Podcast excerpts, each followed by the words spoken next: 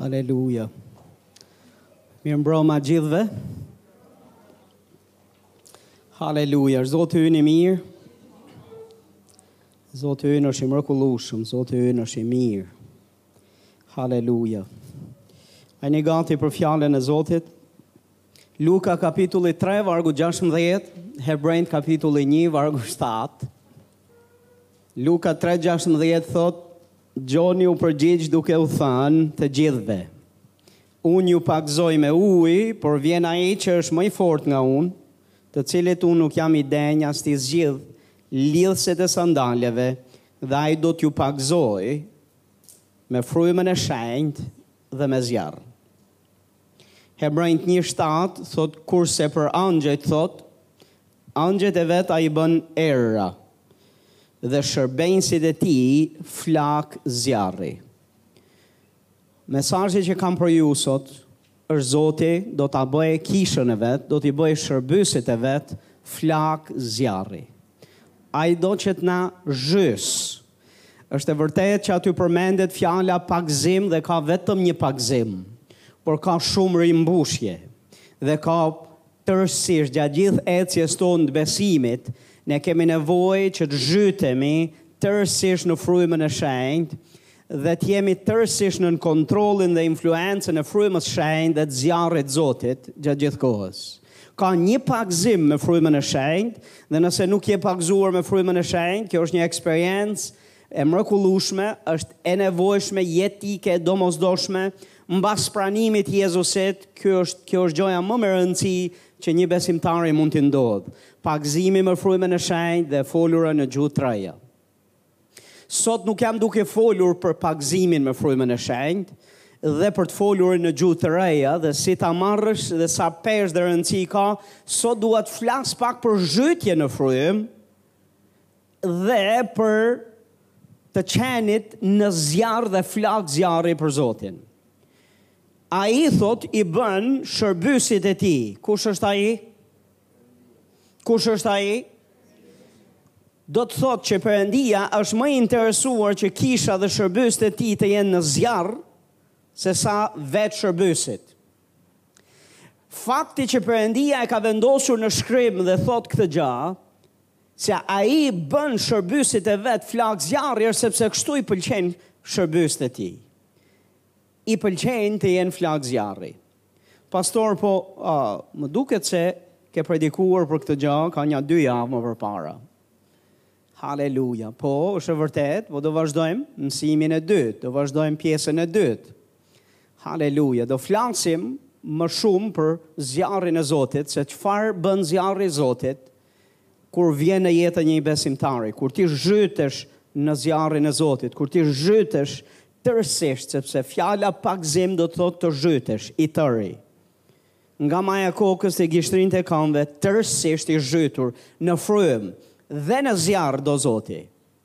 Jezusi të do tërësisht të zhytur në frymë dhe në zjarr, të do flakë zjarri. Ai nuk të do vetëm shërbyes në shërbimin e tij, ai të do shërbyes të zjarrtë. Ai të do shërbyes që je i zhytur dhe tërësisht nën influencën e zjarrit të Zotit.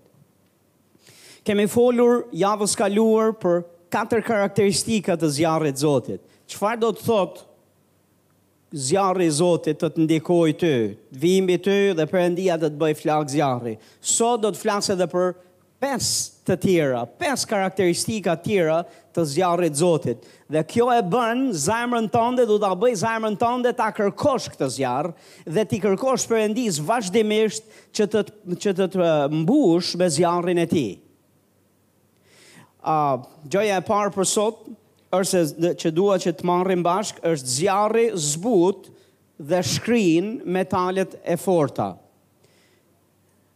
Sa prej jush e dini që uh, metalet e forta, për shkak se janë të ngurta, janë të forta, nuk punohet dot. Ti nuk mund ta marrësh me dorë dhe në mënyrë, domethënë, nuk është e lehtë t'u japësh formën që do, ti do doje. po mënyra se si shkrihet çeliku, se si shkrihen metalet e forta, është nga zjarri dhe temperaturat e larta të zjarrit. A është kështu apo jo? Haleluja. Atëherë kishë e Zotit, zjarri i Zotit është temperaturë e lartë. Është temperaturë shumë e lartë dhe e papërballueshme nga ngurtësia e zemrës dhe qafëfortësia. Fjala e Zotit na bën thirrje tek tek Mateu, kapitulli trembëdhjetë në fakt ne shohim na flitet për zemërngurtësinë, vargu katërmbëdhjetë dhe pesëmbëdhjetë, kështu thotë ndër ta përmbushet profecia e Isaias, që thotë ju do të dëgjoni por nuk do të kuptoni, do të vështroni por nuk do të shikoni, Sepse zemra e këtij populli është bërë e pandjeshme, një përkthim tjetër thotë është ngurtësuar. Ata janë bërë të rëndë nga veshët dhe kanë mbyllur sytë që nuk shohin me sy dhe nuk dëgjojnë me vesh dhe nuk gjykojnë me zemër dhe nuk kthehen thotë dhe unë t'i shëroj. Është duke folur dhe është uh, Jezusi është duke folur këtu për ngurtësinë e zemrës që i ka ndodhur popullit të tij. Dhe kur dikush ngurtësohet në zemër, kemi thënë, që ndonëse ka sy nuk shikon, ndonëse ka vesh nuk dëgjon, ndonëse Perëndia mund ta manifestojë veten dhe mund të flasë zëri i Zotit, ai individ është i pandjeshëm ndaj zërit dhe ndaj pranisë së Zotit, për shkak të ngurtësisë së zemrës. A jeni duke dgju? Tani, njerëz të Zotit, kur njerëzve ju humbet interesi për gjërat e Zotit, nuk duan të shohin, nuk duan të dëgjojnë, sepse janë tashmë të ngurtë në rrugët e veta, në mendësitë dhe doktrinat e veta njerëzore, kjo e ngurtëson zemrën. Dhe unë ju kam folur për ngurtësinë e zemrës. e ngurtëson zemrën, por kur një njeri ngurtësohet në zemrën e vet, kjo është një gjendje vërtet jo e mirë. Jam këtu për t'ju thënë që zjarri i Zotit shkrin zemrën. Është ilaç për të zbut një zemër të ngurtë, për të zbut një qafë të fortë që nuk do t'i bindet Zotit. A, ashtu si zjarri dhe me temperaturë të lartë, shërben për të shkrirë dhe për të zbutur metale të forta për t'u dhënë formën që dëshiron, e njëjta gjë vlen për Perëndinë. Perëndia kur do të zbusë jetët tona dhe të na japë formën që ai do, ai na prek me zjarrin e vet. Jeremia 23 vargu 29 thot, a nuk është fjala ime si zjarri?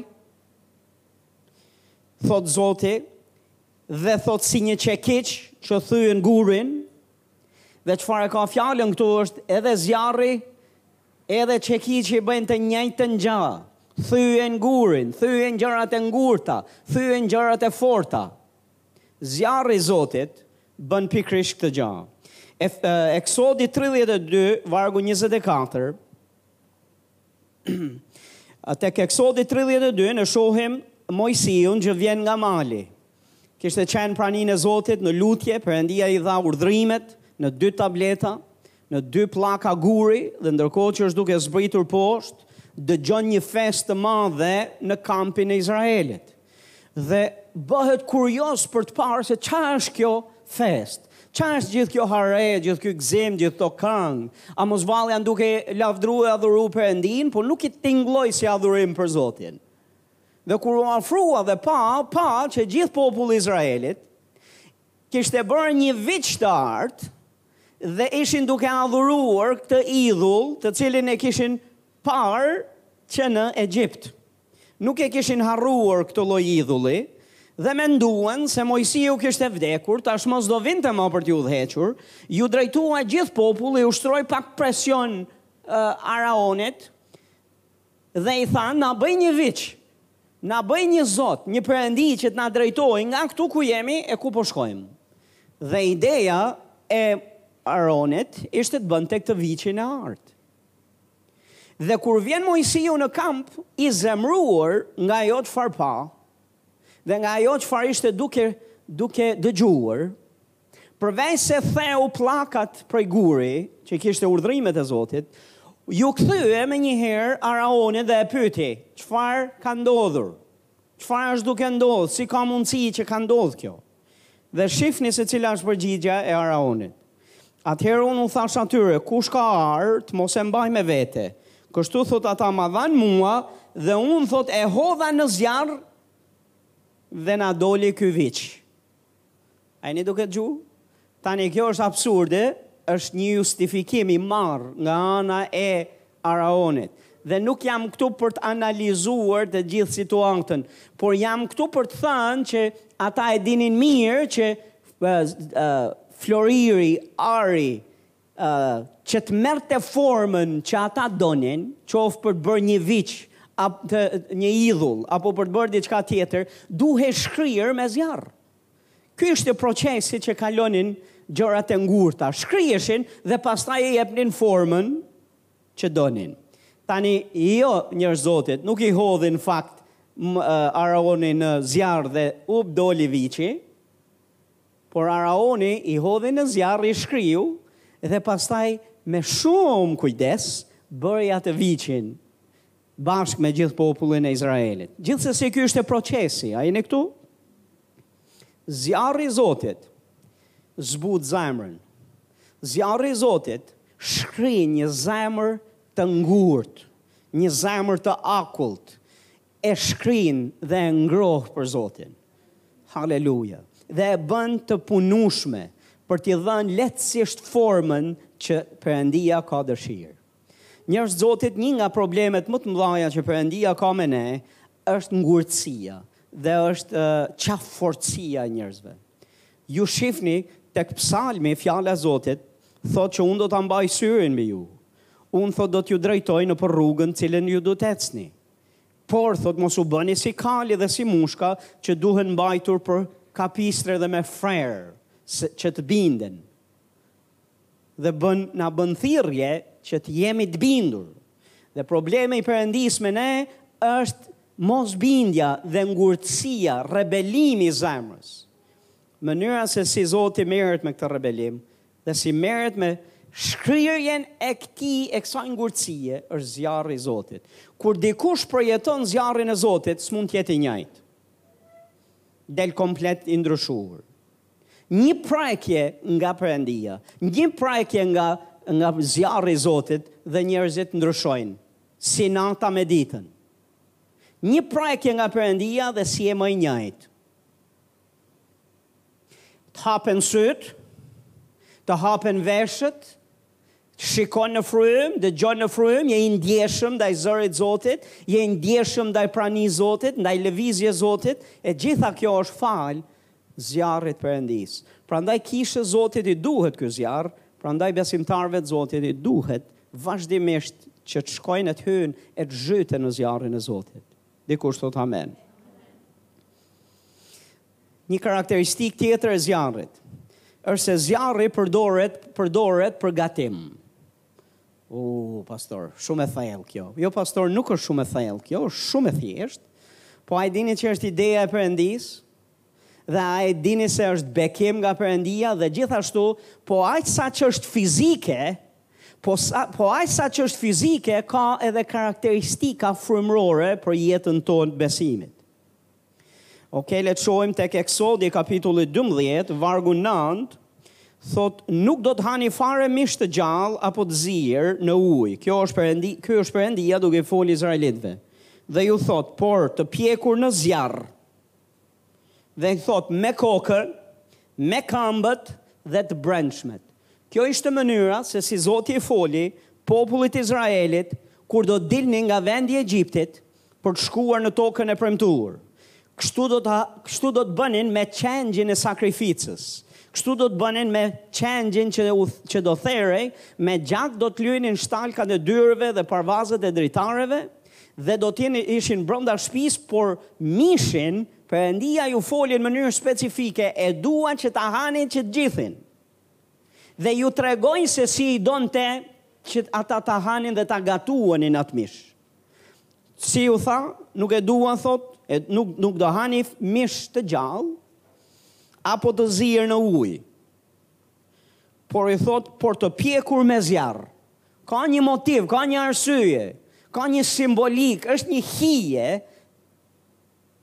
me shumë peshë këtu. Është një e vërtet frymore që Perëndia është duke po përpiqet që të komunikojë me izraelitët. Dhe çfarë do prekte ky zjarr? Kush do gatuheshe me zjarr? Do gatuheshe koka, do gatuheshin të përbrendshmet dhe do gatuheshin këmbët. Secila prej tyre është simbolikë e jetës tonë të besimit. Zjarri duhet të prekte kokën, zjarri duhet të prekte të brendshmet, zjarri duhet të prekte këmbët, në mënyrë që ai qingj, në mënyrë që ai mish të ishte i shijshëm, i asimilueshëm dhe për t'u ngati për t'u ngrënë. A jeni duke dëgjuar? Duhet të prekte ky zjarr të njëjtën gjë. Zjarri i Zotit kur vjen mbi jetën e një besimtari, haleluja, na bën ne të shijshëm dhe të asimilueshëm për botën në cilën ne jetojmë. Zjarri i Zotit prek kokën tonë për të pastruar mendjen tonë, mendimet tona. Prek dhe duhet të prek motivet e brendshme, zemrën tonë, të përbrendshmet tona. në mënyrë që ne të marrim shijen që Zoti do për botën. Ai zjarr duhet të prek këmbët tona. Këmbët janë simbol i ecjes, i stilit të jetës, i sjelljeve tona. Duhet të prek zjarri i Zotit, duhet t'i prek gjitha, duhet të prek dhe mendjen, duhet të prek dhe për brenda nesh, duhet të prek edhe këmbët tona, ecjen tonë. Kjo ishte çfarë Zoti bëri, ju tha, Izraelitëve për qengjin e Pashkës kur ta hani. Perëndia do të na bëjë ne flakë zjarri. Ne jemi sakrifica e tij për këtë botë, a e dini apo jo? Ne jemi sot shërbëtorët e tij për këtë botë. Ne jemi ata që derdhemi si si si fli, derdhemi si pije për këtë botë nga ana e Zotit, në mënyrë që bota të pijë nga ky burim, në mënyrë që bota të hajë nga ky nga nga jeta jonë, në mënyrë simbolike. A jeni duke dëgjuar? Jemi duke folë në mënyrë simbolike, po njerëzit nuk kanë nevojë për trutë tua. Njerëzit nuk kanë nevojë për motivet e papastra tuat. Nuk kanë nevojë për ecjen tënde njerëzore. Kanë nevojë për ecjen tënde të perëndishme, kanë nevojë për motivet e brendshme të ratifikuara, të pastruara me gjakun e Jezusit e me fjalën e Zotit, e ka nevojë për mendime të pastra. Perëndia do të na bëjë ne flakë zjarri, do të na bëjë të shijshëm. dhe lehtësisht të, të asimilueshëm për botën që na rrethon. A jeni këtu? E para e kronikasve 21 vargu 26 kam marrë nja dy vargje këtu për t'ju për t'ju shpjeguar të njëjtin njëjtën gjë. E para e kronikasve 21 vargu 26, pastaj Davidi ndërtoi aty një altar për Zotin, ofroi holokauste dhe flijime falënderimi dhe kërkoi ndihmën e Zotit, që iu përgjigj me zjarr që zbriti nga qielli mbi altarin e holokaustit. A jeni duke dëgju? Domethënë, u pregatit një altar, u vendos një holokaust ose një qingj ose një dem, një flijim për Zotin, dhe mënyra se si Perëndia e pranonte dhe e merrte flijimin ishte se përgjigjej me zjarr. Zjarri konsumonte dhe digjte flijimin. Kjo ishte mënyra se si Zoti e e merrte dhe pranonte flijimet. Në qoftë se do dëgjosh veten tënde në frymë çfarë flet ti, kur flet dhe lutesh në gjuhë të reja do mahniteshe. Po me siguri do të tingëllojë siç fjala e Zotit thotë, ti mund të bësh çdo gjë me anë të Krishtit që të jep forcë. Ti je gjithmonë lart, asnjëherë poshtë. Ti je më shumë se fitimtar në Krishtin. Ti je i bekuar kur hyn edhe kur del. I bekuar është fruti i barkut tënd. Të bekuar janë janë çdo gjë që prek gjithë angazhimet tua, që çdo gjë që prek dora jote është e bekuar. Fryma e Zotit kur flet në gjuhë është duke shpall fjalën e Zotit për ty dhe mbi ty. Tek besoj tek e para e Samuelit tridhjetë ne shohim një rast ku Davidi ishte në pikë në një pikë shumë të vështirë në jetën e vet, sepse Bibla thotë që mbasi ai u kthye nga një betejë e ashpër, kur u kthye në shtëpinë e vet, gjeti që ishin rrëmbyer dhe ishin marrë robër gratë, fëmijët dhe ishte djegur gjithë qyteti. Dhe kur erdhi bashkë me ushtarët e vet besnik, dhe atyre, edhe ata panë se çfarë kishte ndodhur, thot qanë me të madhe, qanë aq sa s'kishin dot forcë për të qarë më. Kaq shumë të prekur ishin nga ajo çfarë kishte ndodhur, dhe në qarje dhe dëshpërim e sipër po mendonin si t'ia bëjmë të vrasim Davidin. Dhe po mendonin ta vrisnin me gur Davidin, sepse Davidi ishte faji i Davidit, pse kishte ndodhur gjithë kjo gjë, po fajësonin atë. Dhe Bibla na thot që Davidi përveçse vetë ishte i dëshpëruar dhe ishte i prekur nga çfarë kishte ndodhur, Bibla thot që u forcua në Zotin. Shkoi në praninë e Zotit, u lut dhe u forcoi veten, thot shkrimi, në Zotin. Inkurajoi veten, i foli vetes për premtimet e Zotit. Dikush thot amen. A jeni këtu? E folura në gjuhë të reja. Po zjarri i Zotit përdorej për ndërtim dhe për forcim. Nuk është rastësi apo jo? Haleluja. Një gjë tjetër, edhe dy karakteristika për sot. Edhe nuk e dimë se sa do zgjas herës tjetër. Po të paktën këto dyja për sot, është zjarri ekspozon edhe pastron. Do të, nëse je duke marrë shënime, do të bënte mirë ta shkruash. Zjarri ekspozon edhe pastron. E, pa, e dyta e Samuelit 22 vargu 31 thot rruga e Zotit është e përsosur, fjala e tij është e purifikuar ose e pastruar me zjarr. Zjarri çfarë qenka? Pastrues. Ai është të mburoja e gjithë atyre që kanë shpresë tek ai, dikush thot amen. Sa prej jush e dini se si pastrohet floriri? A e dini që hidhet në furrë dhe a e dini që nga zjarri dhe temperaturat e larta të zjarrit bëjnë që të pastrojnë mbeturinat dhe çdo gjë të papastër që është Është e ngjitur me Floririn dhe i ndan nga njëra tjetra? A e dini këtë gjë apo jo? Dhe kjo është mënyra se si ndahen mbeturinat dhe papastërtitë nga Floriri dhe pastaj Floriri pastrohet dhe themi ky është Flori i pastër. Sepse kalon nëpërmes këtij procesi. E para e Korintasve, kapitulli tre, vargu dymbëdhjetë deri në katërmbëdhjetë thotë, Dhe në qoftë se ndokush ndërton mbi këtë themel ar, argjend, gurë të çmuar, dru, sanë, kashtë, vepra e secilit thotë do të shfaqet, sepse dita do ta tregojë, sepse do të zbulohet me anë të zjarrit. Dhe zjarri do të provojë veprën e secilit, e çfarë lloji është. Dhe në qoftë se vepra që dikush ka ndërtuar mbi themelin qëndron, ai do të marrë, thotë, një shpërblim. Ditën e gjykimit të Krishtit, veprat e gjithsecilit prej nesh do të do të uh, provohen me zjarr. Pse do të provohen me zjarr? Sepse zjarri ekspozon, zjarri është tregus. Dhe zjarri është pastrues.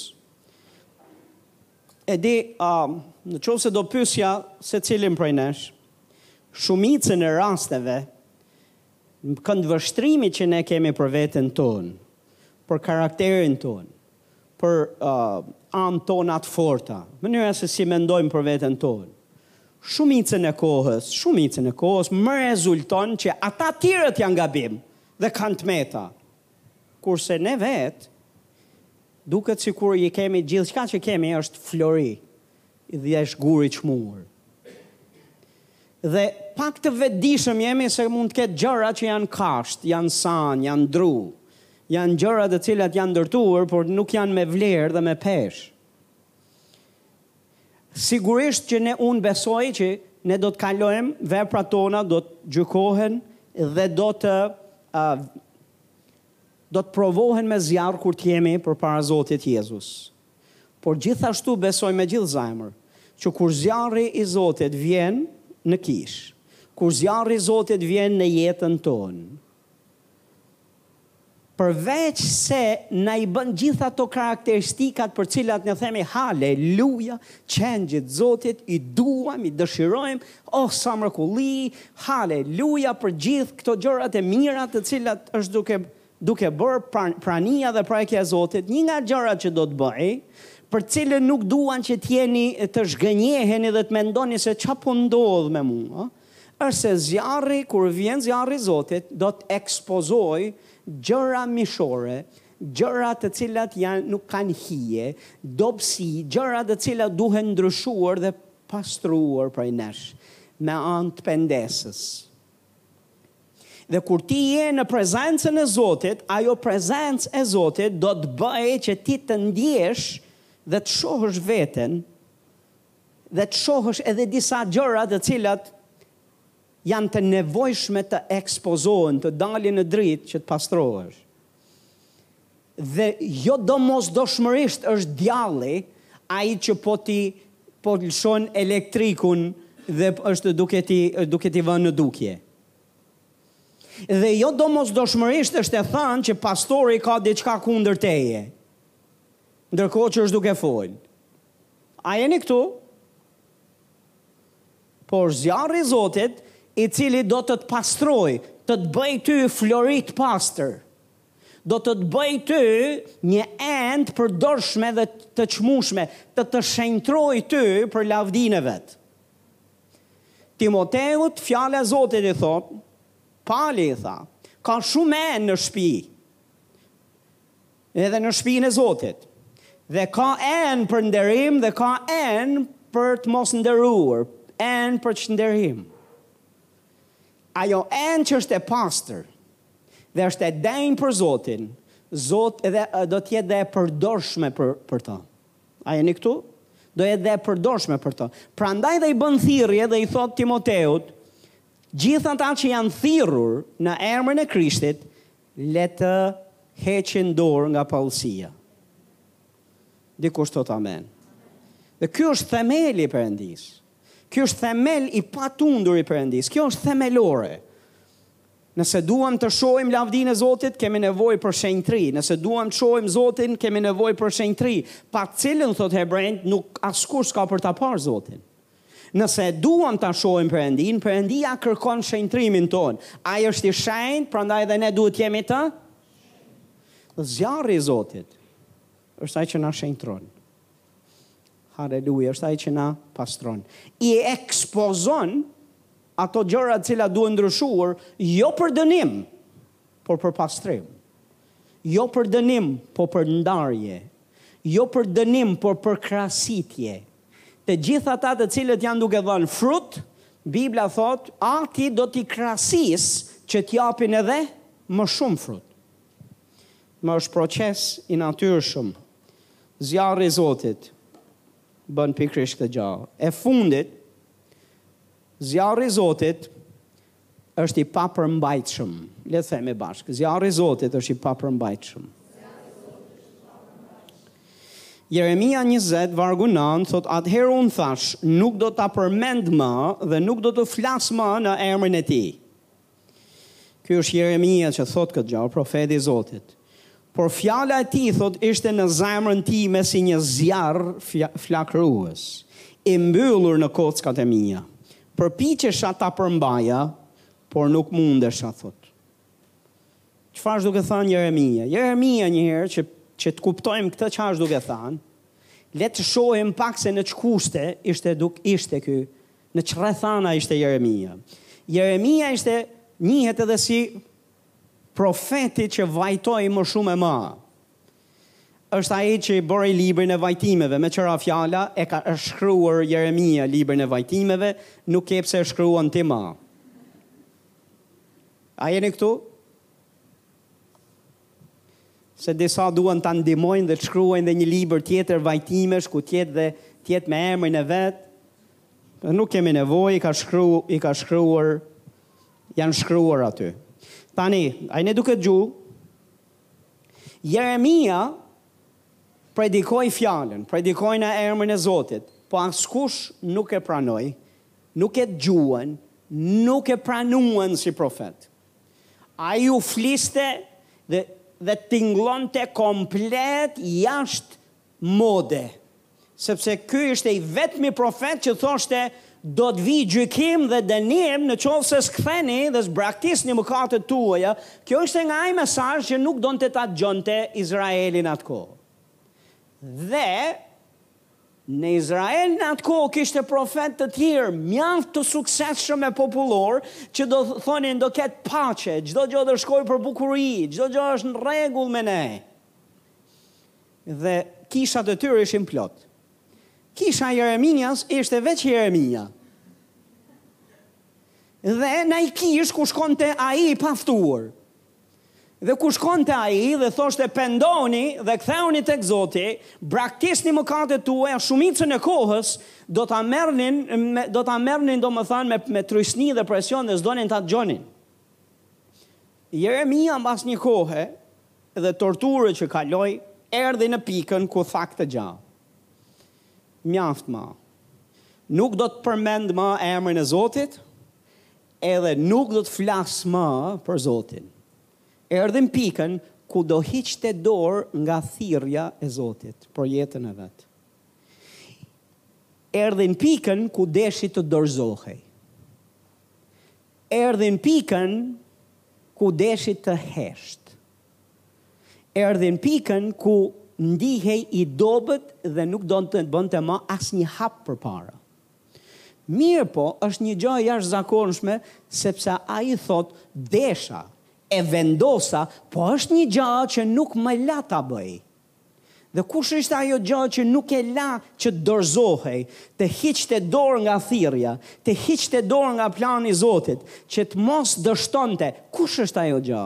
Është Fjala e Zotit, e cila thotë ishte e mbyllur në kockat e mia si një zjarr flakërues, thotë dhe i papërmbajtshëm, nuk e përmbajta dot. Më nuk ndenja dot. Se ky zjarr këtu nuk më la të heq dorë. Ky zjarr këtu më dha forcë e më ngriti përsëri në këmbë. Ky zjarri këtu më bëri që të ec përsëri. Ky zjarri këtu më bëri përsëri të predikoj Fjalën me guxim dhe të përmend emrin e Zotit me guxim. Këtë bën zjarri i Zotit. Kur ti prekesh nga zjarri i Tij, kur ti pushtohesh nga zjarri i Tij, ti s'mund të heqësh dorë. Ti s'mund të dorëzohesh. Ti do e duash dhe do t'i bindesh vullnetit të Zotit. Ti do ta duash dhe do të vraposh në qendër të vullnetit të Zotit. Ti s'do mundesh të devijosh prej Atij, sepse nuk do të të lejë ai zjarr që do jetë brenda kockave tua. Dikush thotë amen. A jeni këtu apo jo? Kur të ketë ardhur ai, tha Gjon Pagëzori, ai do t'ju ketë pagëzuar me Frymën e Shenjtë dhe me zjarr. Fjala pagëzim do të thotë të jesh i zhytur në diçka. Dhe është çfarë është duke thënë do të jeni të zhytur tërësisht. Dhe kjo fjala zhytje E, e, në greqisht përdoret kjo fjalë, zakonisht përdorej kur gratë do ngjynin rroba dhe do i ndryshonin, do i ndryshonin komplet kolorin dhe ngjyrën rrobës. Mënyra se si ndodhte kjo është se do e zhysnin në, në, në bojë, do e zhysnin tërësisht edhe nga ajo bojë që kishin, të bardha çfarë boje kishin, kur dilte do merrnin ngjyrën e bojës që kishin aty. që do të thotë do ishin tërësisht të ndryshuar, tërësisht do merrnin uh, pamjen e asaj ku ishin zhytur. Zoti na do të zhytur në zjarr, na do të zhytur në frymë. Haleluja, dhe na do shërbëtorë të tij, na do flakë zjarri. Haleluja, na do të fortë, na do të ndërtuar, na do të shenjtruar e të pastruar, haleluja, dhe na do t'i kemi të gjitha këto, të kemi shije, ai do të prekë mendjen, do të prekë zemrën, do të prekë ecjen tonë me zjarrin e tij, në mënyrë që të na pastrojë dhe të na bëjë të asimilueshëm për botën. A keni, a e dini që shkrimi thotë tek tek galatasit pesë për frutat e frymës e dini që flet për frutat e frymës po frutat e frymës nuk janë që t'i hash ti ti je fruti të cilin do ta hanë të tjerët dhe bën mirë që të jesh ajo pema me frutat e frymës për cilin shkrimi na flet amen që ti të prodhosh dashuri të prodhosh mirësi të prodhosh zemërbutësi të prodhosh Mirësjellje, besnikëri, besim, dashuri, frutat e frymës. Haleluja! Kur ti prekesh, kur ti prekesh nga zjarri i Zotit dhe prania e Perëndisë. Haleluja! Ti bëhesh i frutshëm për to. Janë frutat e frymës. Janë frutat e frymës tonë, por në ndikimin dhe kultivimin e frymës së shenjtë. Haleluja. A është Zoti i mirë? Ne kemi nevojë të jemi në zjarr për Zotin.